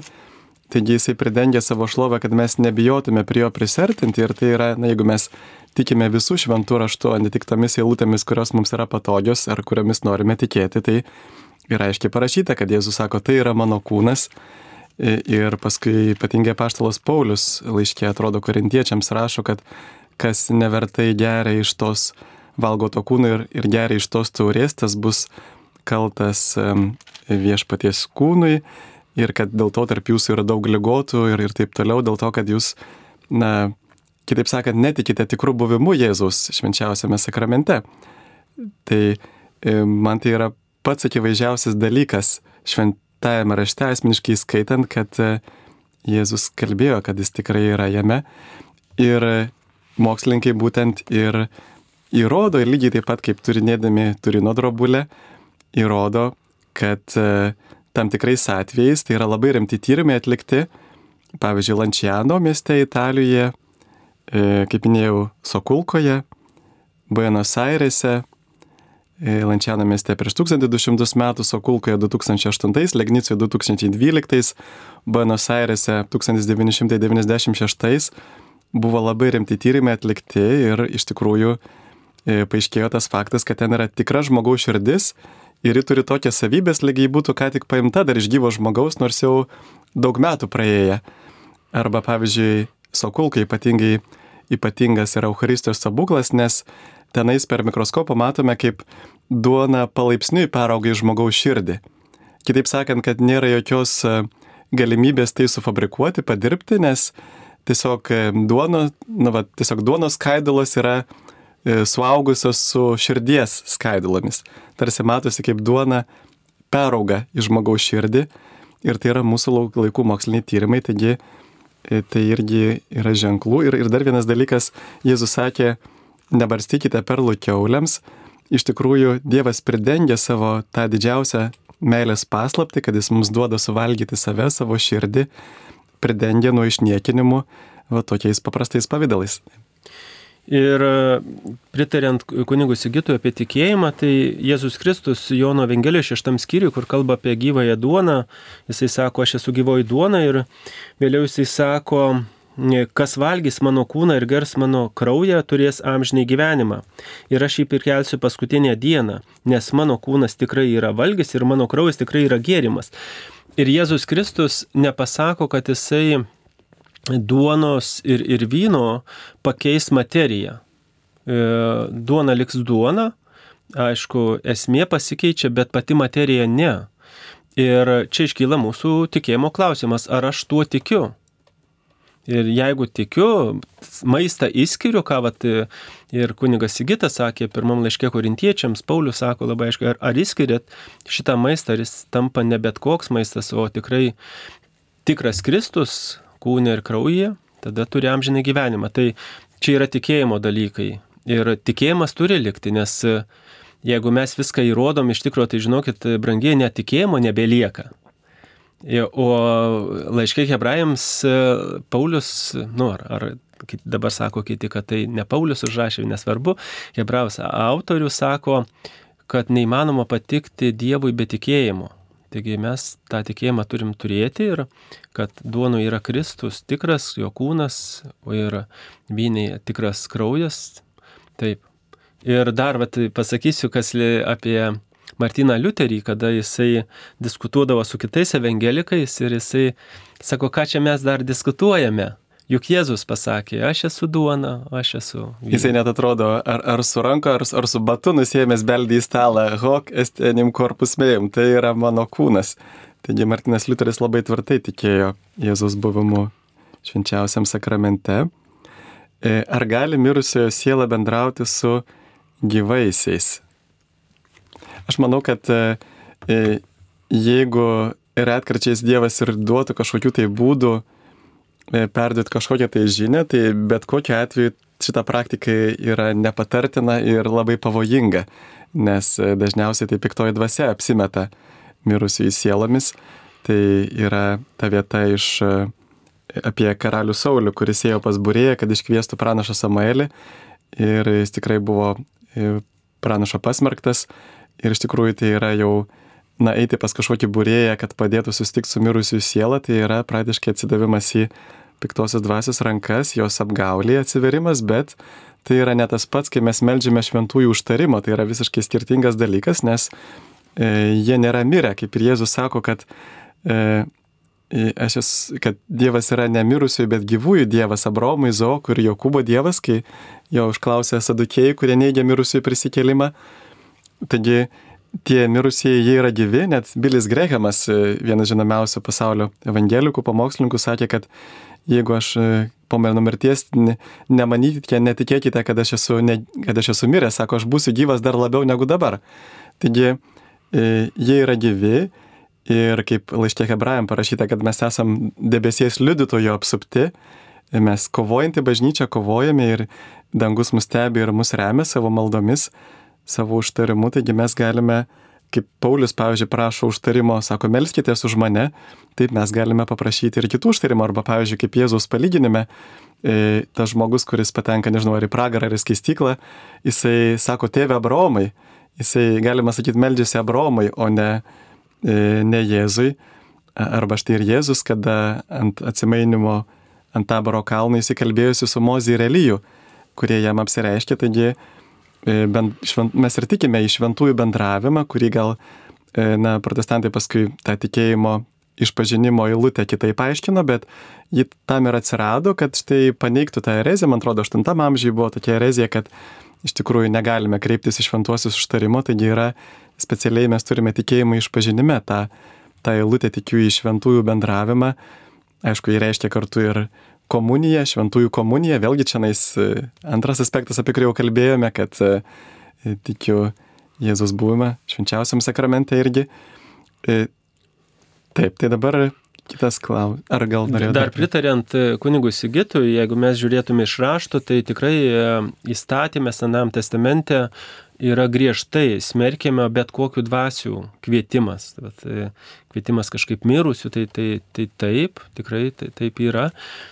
Ir e, kalbant apie užtarimo maldą per šventuosius, tai vis tiek aš norėčiau e, pridurti tą, kad meldimasis į šventuosius mums neturėtų užstoti pačio Kristaus. Visa malda turi vesti link Kristaus. Taip, nes kartais būna, kad e, e, va štai ir tokia praktika gana dažna pastebiu, kad, na, pavyzdžiui, mes išstatome švenčiausiai sakramentą ir tada į vieną šventąjį pasimeldžiam, į kitą šventąjį pasimeldžiam, o į Kristus, Kristus tarsi lieka nuo šalyje. Aišku, pats Jėzus, jisai trokšta pasidalinti savo garbę ir jisai, na, jis turi tos garbės be, be galo, be ribų, taip. Jisai dalinasi tą garbę, bet visgi E, man atrodo, buvo kažkur tai toksai mergelės Marijos apsireiškimas, e, dabar nepamenu kurioje vietoje, kada, e, kada kai tik išstatydo švenčiausiai sakramentą, ji apsireiškusi bažnyčioje staiga išnykdavo. Norėdavo pasakyti, kad štai dabar visą dėmesį skirkit mano sūnui.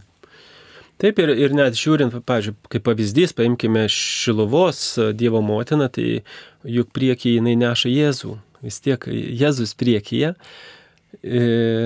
O apie gerbimą ir garbinimą vėl reikėtų mums labai stipriai atskirti. Raštas labai aiškiai kalba ir, ir katalikų bažnyčios mokymas sako, vieną Dievą te garbink. Garbinti nieko kito mes negalim, bet gerbti čia jau yra kitas, kitas lygis ir, ir aš kunigas įgytą gerbiu, aš už tai šiandien šiaip net ir esu čia. E, tai pagarba taip turi išlikti, bet garbinimas yra vienintelis, tai tik Dievui. Taip, tai čia aišku yra tas, kaip jau ir minėjau, ne kartą toks nesusipratimas dėl kalbų vertimų, kad e, latiniškai ir yra skirtingi žodžiai adorarė, e, Dievą garbiname, o venerarė mes e, teikiame pagarbą šventiesiam, bet lietuviškai kol kas turime tokį vieną žodį ir šiaip turbūt ne, netiktų sakyti garbiname Juozapą, garbiname Mariją, bet labiau, kad juos ypatingai gerbėme. Kiek laiko galime eiti prie šventosios komunijos net likus iš pažinties? pradžioje mišių kalbame prisipažįstu, kokios nuodėmės ta malda atleidžiamos. Tai e, tiesiog, kol neturime sunkios nuodėmės, e, galime sėsti už vieno stalo ir kalbėtis, bet jeigu esame susipykę, tai pirmą reikia atsiprašyti, susitaikyti. Ir žinome, mes, pavyzdžiui, kaip šeimoje, kiekvienas per dieną ir visokių buvome ir, ir kažkaip galbūt smulkių tokių, smulkiuose dalykuose nusižengėme, ne visai tobulai mylime artimą, mes vis tiek galime susėsti kartu ir vakarieniauti, bet jeigu esame stipriai įžeidę, pavyzdžiui, savo sutoktinį, tai vis tiek prieš sėdant prieš bendro stalo reikėtų dar nueiti atskirai pasikalbėti, atsiprašyti ir tada ateiti prie visų kartu būti su. Tai čia irgi panašiai, kad kai turime sunkia nuodėmę tada, bet aišku, dar yra rekomenduojama pamaldumo išpažintis, pavyzdžiui, kartą per mėnesį eiti išpažinties, nes, kaip rodo praktika, jeigu einam rečiau, negu kartą per mėnesį mes užmirštam nuodėmės, prarandam nuodėmės suvokimą, galvojam, kad esame jau šventi, geresni už kitus, pradedame kitus teisti e, ir nebežinome, ką mums reikia daryti, veikti dvasiniam gyvenime, nes nebežinom, su kokiom nuodėmėm kovoti. Tai labai yra sveika taip reguliariai E, peržvelgti savo sąžinę ruošiantis išpažinčiai. Tik tai aš dar pridučiau dėl pačios išpažinties, kad mes, e, mums e, venkite form, reiškia, kad tai aš darau dėl formos. Aš, vat, kaip esu pamokslą sakęs, sakiau, brangiai mažiau praktikuokite tikėjimo, dažn, daugiau tikėkite. Tai vat e, kartais mes pasiliekam tik tokias praktikas, kad aš tą padarysiu, tą, tą, tą, pliusiuką užsidedu. Vis tiek Dievui tai reikia mūsų širdies tokios gilumo. Taip, iš tiesų, nes ta išpažintis tokia neverta, gal ją galime net palyginti ir kaip su tuo nevertų komunijos prieimimu irgi. Jeigu mes priimam komuniją ne, nedarydami jokio skirtumo, tai kaip tik na, užtraukėme Dievo teismą, tai lygiai taip pat ir prie išpažinties, jeigu einame, na, kaip pasakyti, nerimtai ir netgi, pavyzdžiui, nuslepiam tam tikrus dalykus, tai mes kaip tik dar padarome dar vieną, e, netgi sunkia nuodėmė, e, taigi reikėtų tikrai gerai pasiruošti išpažinti. Ir dar priduriant, kad e, nors kai kuriuo aš girdžiu ir, ir teologų tokius pasisakymus, kad nu, lyg tai pokalbis kaip su psichologu, tai vis dėlto tai nebūtų teisinga laikysena. Taip, mes turim tą poreikį vienas kitam pasakyti skaudulius ar, ar išsisakyti tai, kas, ką man skauda, bet vis dėlto tu ne pas psichologą ateini, o pas mylimą tėvą, tas, kuris tavęs laukia. Ir čia net ne kunigas, o iš tikrųjų, o, o pats tas tėvas, kaip Luko Evangelijoje mes skaitome tą sūnaus paklydėlio sugrįžimą pas tą tėvą, kuris laukia tavęs ir iki tavęs atbėga, apkabina ir tavęs nepasmerkia. Bet čia būtų teisinga laikysena išpažinties metu. Taip, dar vienas klausimas. Įdomu dėl dešimtinės, nuo kurios sumos mokėti nuo gaunamos algos, ar kas gale mėnesio lieka. Jei nuo algos bijau, kad mūsų dauguma gyventų palapinėje. E, ne, ne, nu, e, būtent nuo e, algos ir ne, ne tai, kas lieka. Ir jūs pabandykite tiesiog pabandykit ir, ir yra daug liūdimų, kurie pabandė. E, šiaip aš šiandien tos paskaitos šiandien skaitysiu, bet e, yra pabandyta dešimt e, atiduodi Dievui ir mato dar kas mūsų kokia problema yra, mums atrodo, kad tie pinigai yra mūsų. Brangiai, tie pinigai yra Dievo leisti mums uždirbti. Mums labai sunku pripažinti ir aišku, mes apie pinigus nenorim kalbėti, nes čia užsigaus, čia kažkas neteis, čia jums tik pinigai rūpi, Tai man ne tik pinigai rūpi, man labiau rūpi žmonių išgelbėjimas ir tikrai aš negyvenu iš bažnyčios, nes diekonai turi užsidirbti patys kaip pavyzdys. Tai aš džiaugiuosi, kad galiu labai laisvai kalbėti, kuo gal kunigui Sigitui būtų daug sunkiau. E, tai dešimtinę mokė ne nuo kas lieka, o dešimtinę mokė, ką uždirbi ir 10 procentų tikrai yra ne tavo, o yra Dievo. Bet galiu aš pasisavinti, aišku. Tai. Taip, ačiū.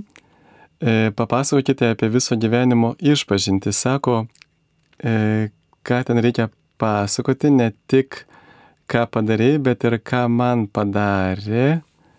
Ar visi kunigai priima? Na, tikrai nereikėtų pasakoti, ką man padarė, nes tada jau būtų kitų žmonių nuodėmių. O kaip tėvas Vincelis dažnai sakydavo, Jelinskas, kad kad e, ir, ir, ir kartu kardinolas e, Slatkevičius, kad mes dažnai per išpažinti vardiname kitų nuodėmės, o savo ir pamirštame. Tai e, viso gyvenimo išpažintis yra tokių svarbiausių dalykų prisiminimas. Aišku, geriausia turbūt būtų užsirašyti. Kai kas sako, kad na, užrašy, už, užrašyta išpažintis nėra nuoširdi, bet aš tai nesutikčiau, nes, na, kaip tik yra mes galime užrašytus dalykus nuoširdžiai pasakyti ir dėl jų gailėtis, galime tiesiog e, kvailai perskaityti. Taigi yra gera pasiruošti ir užsirašyti apie sunkes nuodėmės. Nereikia ten tų visų smulkmenų pasakoti ir varginti kunigo, kaip vienoje komedijoje, kur vienas vienuolis, jisai galvoja, na, dabar ruošiasi išpažinčiai ir jisai galvoja šitas, nu, gal tiks. Ai, sako, dėl viso pikto viską sudėsiu, kad kartais ko nors nepraleišiu. Ir jisai dešimt lapų skaitė išpažinti, kol visi buvo didelė eilė ir laukė. Tai tikrai reikėtų, net ir Arso klebonas sakydavo, kad gera išpažintis yra trumpa išpažintis. Na, nu, aišku, aš suprantu, nes jisai turėdavo ke keliolikos valandų eilės ir, ir po keliolika valandų klausydavo, tai gal iš tikrųjų. Bet e, svarbu tiesiog sunkes nuodėmės išvardinti, bet kartu yra prie, papildomai yra sveika ir išvardinti savo netobulumus, kur man sunku kovoti, gal net ir lengvas tam tikras nuodėmės, tik tai stengtis ne, ne per daug e, varginti kunigą. Ir šitoje vietoje aš pasiūlyčiau jums susirasti e, dvasios, dvasios palydėtoją, dvasios tėvą, ne kad bėgioti pas vieną, pas kitą kunigą, bet, bet turėti vieną čia kaip, kaip gydytoją gerą, atrasti ir tada tikrai e, geras gydytojas, geras dvasios tėvas užvesta teisinga linkme ir tave geriau pažins, tu jį geriau pažins ir tada galės e, duoti patarimų, ar tu jau čia per daug esi skrupulingas, ar, ar dar per mažai, tai pas, surasti gerą nuodėmklausį labai svarbu. Kodėl tik kalbame apie išgymo ženklus, o įrodyti neįrodoma? Ar tai reiškia katalikų bažnyčios manipulacija, kad kuo daugiau žmonių pritrauktų ir pinigėlio prisiaukotų? Aš nežinau, ar per gydimus kas nors pinigų prašo ir panašu, kad ne. E, aišku, nes gal garsiausia, bet tiek imkim kuniga Vaškelį, kuniga Arnoldą Valkauską, Tai tikrai žmonės, kurie melžiasi išgydymo ir... ir Čia gal kalbam apie tokius išgydymo stebuklus. Aš, aš taip Fizinę, supratau. Taip. Tai, tai tikrai, nu, aš negirdėjau, kad jie kada nors paprašytų pinigo. O bent, kadangi tenka, sakau, su kunigu Vyteniu tarnauti vienoje bažnyčiai, tai tikrai prieėję žmonės man liūdėja, kad, kad tikrai uh, E, besimeldžiant kunigui Vyteniui yra įvykę tų stebuklų išgydymo, e, bet vis dėlto į tai nereikėtų sudėti visus akcentus. Palaiminti, kurie tiki nematę. Ir, ir e, taip, išgydyti čia viskas tvarkoji, bet daug daugiau yra reikalo, ar aš nueisiu į dangų. Čia yra esmė kūnas mūsų taip bus pakeistas, bus prikeltas, bet šitas yra mirtingas, jisai sunyks, bet ar mano siela bus išgelbėta, čia yra didesnis gydymas, čia yra svarbiau iš tikro. Tai tikrai yra, man atrodo, ne vienas žmogus paliūdytų, kad yra tų išgydymų įvykusių. Ir yra netiesa, kad nėra įrodymų. E, turbūt yra dvi grupės tokios, kur yra e, na, labai labai stiprus įrodymai Tai viena grupė išgydymo yra įvykę Lurde. Lurde ir aišku ir kitose šventose vietose yra tokių tyrimų, bet niekur nėra tokio nuodugnaus tyrimo kaip Lurde. Ir tenais yra įvykę 7000 e, keli šimtai tokių išgydymų, kurie e, mokslo yra nepaaiškinami, yra storos e, bylos, stori dokumentai, ten yra saugomi Lurde, Lurdo medicinos biure. Ir kiekvienas, na, nežinau ar kiekvienas, bet tikrai galima su jais susipažinti, yra apie tai daug medžiagos. Ir iš jų 1 procentą, 70 išgydymų bažnyčia pripažino stebuklingais. Tai yra kurie atitinka visus pačius pačius griežčiausius kriterijus. Pavyzdžiui, kad tuo, žmog, tuo metu žmogus nebebuvo gydytas jokiais kitais vaistais, kad tai įvyko staiga, kad po dešimties metų nepasikartojo ar ten po penkiolikos metų.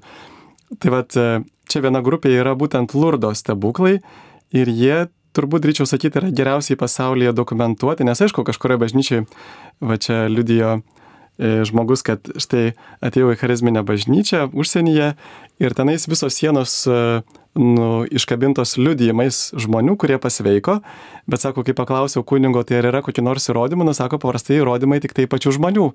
Arba geriausiu atveju dar kažkas tai gal iš jų artimųjų paliudijo. O čia Lurde mes turime labai nuodugnius tyrimus, va kaip ir minėjau, pavyzdžiui, e, tie, kur yra 70 stebuklų, tai daugumoje yra tirti kelių šimtų gydytojų per keliolika metų. Ir yra labai gerai dokumentuoti, taigi tai yra netiesa, kad nėra įrodymų, bet paprasčiausiai žmonės, jeigu nenori tikėti, jie ir netiki, sako, čia yra bažnyčios apgaulė. O kita dar grupė yra tokių ženklių įrodymų, yra e, šventųjų skelbimo e, kongregacijos, kada jie skelbia kokį nors šventą ir čia irgi tarp kitko yra vienas iš argumentų, kodėl e, malda šventųjų užtarimo yra gera Dievo norėta, nes jau yra paskelbta apie 10 tūkstančių šventųjų katalikų bažnyčioje ir maždaug nuo 16 amžiaus yra labai griežtai tyriama. E, paprastai sudaromos kelios komisijos, viena teologinio komisija, kita medicininė komisija, pakviečiami gydytojai, labai žymus gydytojai, mokslininkai medicinos ir jie e, tyrinėja tuos duomenis, dokumentus, ar iš tikrųjų tas pagyjimas yra mokslo nepaaiškinamas. Nu, va čia kaip pavyzdys, pavyzdžiui, visiems gal jau girdėtas Karlo Kučio paskelbimas palaimintojų įvyko po to, kai vienas toksai berniukas, Mateo, e, pasveiko nuo kasos apsigimimo, jisai beveik visą maistą išvemdavo, ten e, labai nedaug sverdavo, nedaug svėrė savo amžiaus, buvo keturių atrodo metų vaikas ir ten ar, ar 10 kg, kiek jis ten svėrė. Ir, ir tuomet e, jie atliko litaniją, tai yra novena, devynias dienas meldė užtarimo palaiminto karalio, kai žinojo, kad ateis relikvijos į jų bažnyčią. Ir paskui, kada tas vaikas priejo pabučiuoti relikvijos, sako, norėčiau, kad man reikėtų mažiau vemti. E, ir tuomet jis jau grįžta namo, sako, mama, man atrodo, kad aš jau pasveikau. Ir jisai jau tą pačią dieną galėjo valgyti viską ir nebevėmė. Ir kai gydytojai ištyrė, jį paaiškėjo, kad jo apsigimimas tas prigim, prigimtas defektas kasos buvo išnykęs. Ir jisai visą gyvenimą jau nebevėjame, nors prieš tai viską išvemdavo. Ir va tai įvyko būtent tuo momentu, kada jisai pabučiavo tą palaimintojo karolio relikviją. Tai va ir, ir tokiu atveju yra daugiau negu 10 tūkstančių, nes kiekvienam šventajam paskelbti reikia mažiausiai, uh, anksčiau reikėdavo daugiau, atrodo, trijų stebuklų, dabar liktai vieno, kad palaimintojų, vieno, kad šventuoju. Tai žodžiu, bent jau yra na bent jau, sakykime, 20-30 tūkstančių tokių stebuklų, kurie yra gerokai ištirti. Va, bet aišku, žymiausi turbūt yra Lurdo stebuklai, bet šitie irgi turbūt nenusileidžia savo griežtumu skelbiant šventuosius. Ir dar aš pridursiu, kad vėl čia mes e, prieinam prie to, ar aš tikiu Nes Jėzus Kristus mums sakė, vat, Morkaus Evangelijos pabaigoje, kad sako, jūs dėsite rankas ir, ir pasveiks ligonis. Bet e, apaštalas Paulius jau pirmam laiškė korintiečiams sako, ateis laikas, kai tai liau, liausis, ne, ir, ir liks tik tai svarbiausias dalykas tai meilė. Ir, e, ir ar aš į bažnyčią arba link Dievo einu dėl stebuklų, ko aš tikrai matau, kad mūsų tikrai daug yra krikščionių, kurie ieškom stebuklų, ar mes ieškom Jėzaus. Ir tikrai linkėčiau ne stebuklų ieškoti, o Jėzaus. Ir gera žinia, žinot, kai Jėzų surasit, jūs pradėsit stebuklus matyti kasdienybei. Ir džiaugtis jais. Išlipa iš lovas, žmona nusišypsojo, tu jai. Ir vyksta stebuklai, tik matykim juos. O mes kartais atrodo į kalną noriu įkopti didžiausią, kad tik stebuklą pamatyčiau, o pasirodo jis čia pat. Čia paaiškinkite, ką reiškia surasti gerą dvasios tėvą. Ar visi kunigai yra geri dvasios tėvai, ar ne visi? Aišku, čia man taip dabar vertinti, bet e, mano patirtis vis tiek rodo, kad, žinot, yra gerų automechanikų, yra gerų kunigų. Tai e, tas gerumas e, priklauso nuo dviejų. Tai nuo nuodėmklausio ir tas, kuris išsako nuodėmės arba to, kuris yra išklausomas. Tai atrasti vis dėlto, nes žiūrėkit ir, ir, ir kitose net, va, aš sakau, automechanikas ar kas, bet tikrai surandi, kad vienam tai be galo tinka, o kitam ne. Nes labai daug dalykų susideda ir charakteriai susideda, ir, ir patirtys tam tikros, tai nėra taip, kad vienam, reiškia, kaune, tai tik tais du geri nuodėmklausiai yra. Ne, jų yra tikrai daugiau ir, ir vieniem tinka vieni, kitiem kiti.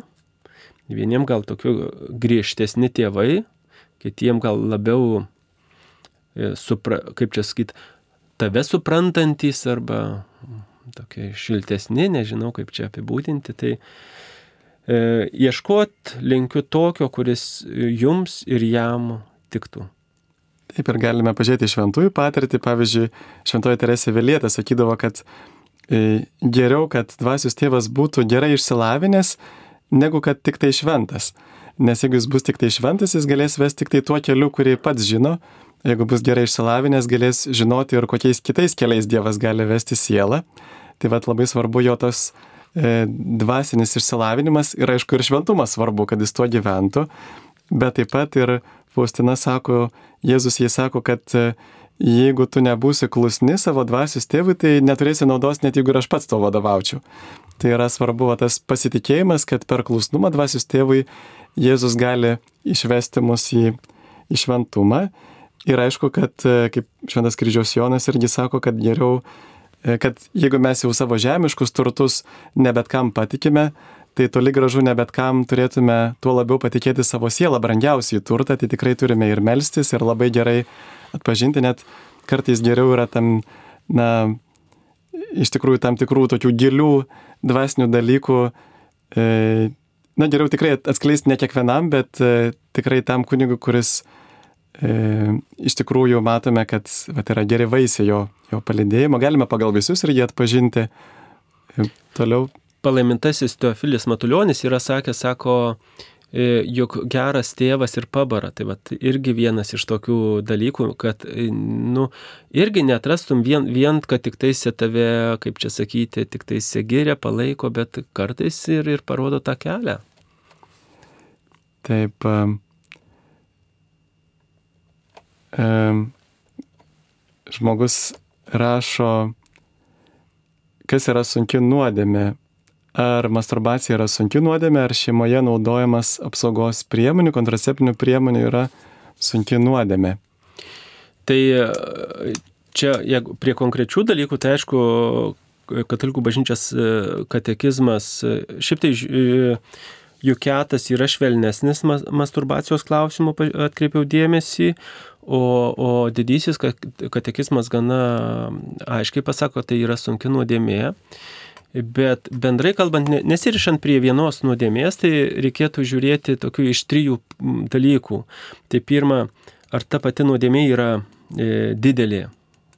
E, tada, e, kodėl tu ją padarėjai. Ir kokios aplinkybės. Reiškia, tai nuodėmės dydis, tada motyvas ir aplinkybės. Reikėtų visus tris dalykus sudėti ne, negalima atskirti tik vieno dalyko, reikėtų žiūrėti šitos trijulės ir tada e, lengva nuodėmė mūsų akim žiūrint gali tapti sunki ir sunki nuodėmė e, Dievo akise gali tapti netokia sunki, kaip mums atrodo.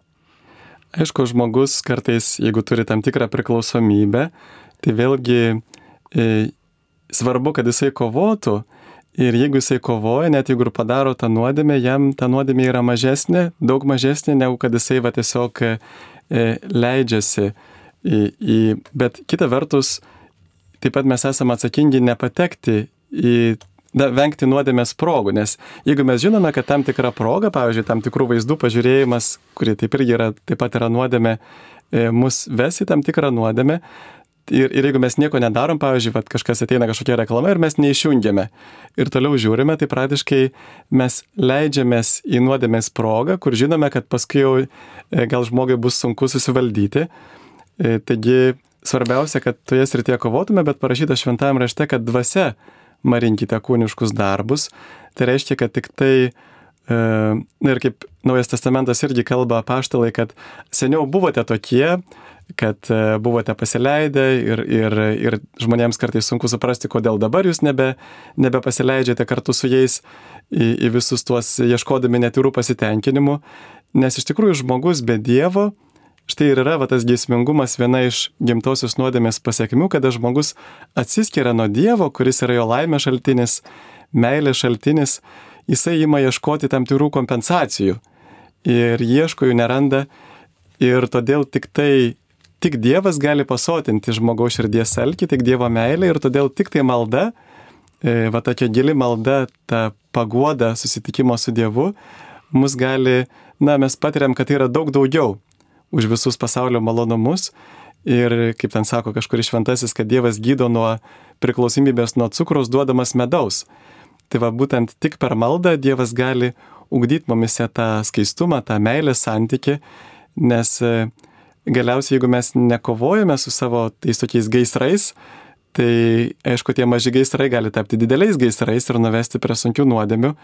Bet va, cituojant katekizmą apie masturbaciją, tai yra e, rašoma 2000, 2352 skyriuje, kad sekdami nuolatinę tradiciją tiek bažnyčios magisteriumas, tiek moralinė tikinčiųjų sąmonė, nedvėjodami teigia, kad masturbacija yra iš pagrindų labai netvarkingas veiksmas, išskyrus normalius sutoktinių santykius, samoningas lytinės galios naudojimas, kad ir kokie būtų motyvai, iš esmės prieštarauja jos paskirčiai. E, tad e, šio pasimėgavimo ieškama apeinant moralinę tvarką atitinkančius lytinius santykius, kuriais tikros meilės lydimais pilnatviškai prasmenamas abipusis dovanojimasis ir žmogiškos gyvybės pradėjimas.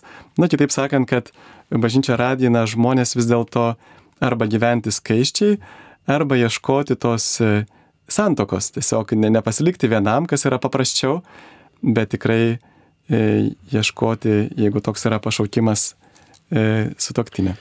E, kalbant apie kūniškumą, aišku, mes, kadangi esam kūniški žmonės ir labai pastebėm tik kūniškus dalykus, bet reikėtų žiūrėti, pažiūrėjau, ta pati apkalba, jinai labai stipriai smerkiama šventajame rašte, bet vis tiek grįžtant prie kūniškumo, tai Dievas lytiškumą sukūrė kaip gerą ir, ir kaip gėrį ir palaimino jį.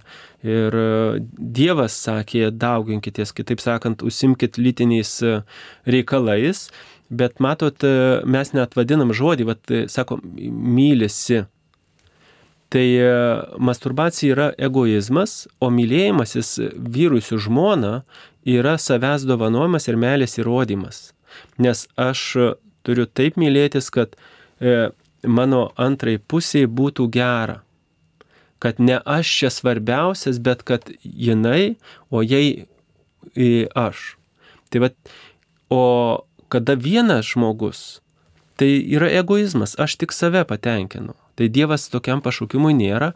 E, čia dabar mes nieko nesiruošiam teisti ir nuteisti, bet e, sakyčiau gal pirmiausia reikėtų pripažinti, kad tai nėra tvarkinga, va ką ir katekizmas sako, ir kad tai nėra norma, nuo to pradėti. Ir kiti, vat, dvasiniai žmonės sako, kas liečia ir vėl nesirišant prie konkrečios nuodėmės, jeigu aš žinau, kad kelyje yra nuodėmė arba duobė, kiti vadina, tai tiesiog kiek nuo tavęs priklauso, kiek tu gali, o kiek negali prašyk Dievo pakeisti kelią, eiti kitu.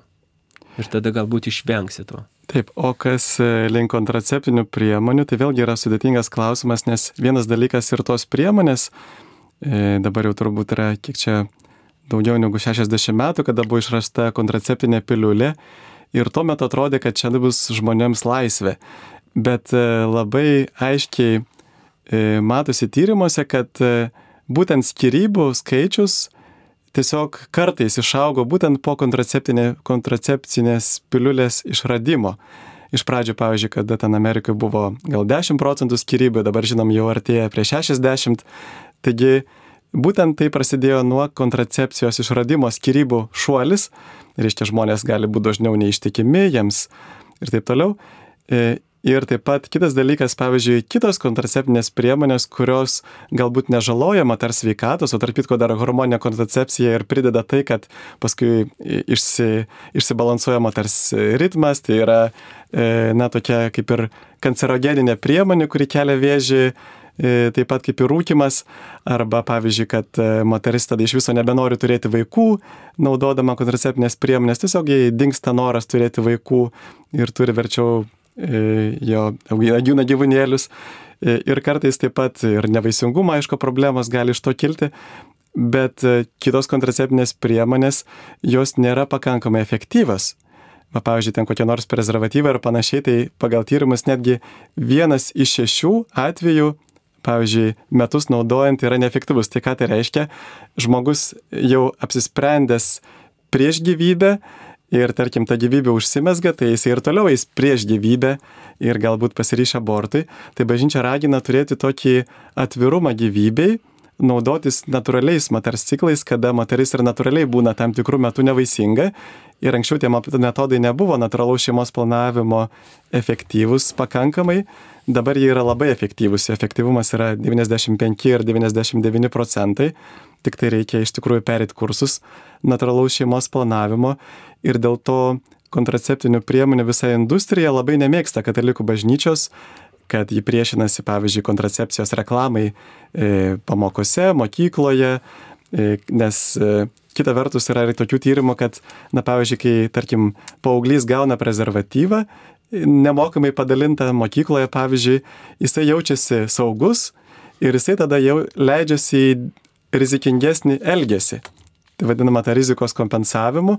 Ir tada jisai to pasiekoje kaip tik būna daugiau e, pavyzdžiui, abortų, paauglių neštumų, kada jie turi tos prezervatyvus, nes jie daug daugiau e, galvodami, kad yra, apsigaudami, kad yra saugus, e, tos priemonės šimtų procentų neapsaugo, leidžiasi į tokius santykius ir jie atneša bendroji sumoje vis tiek blogus vaisius.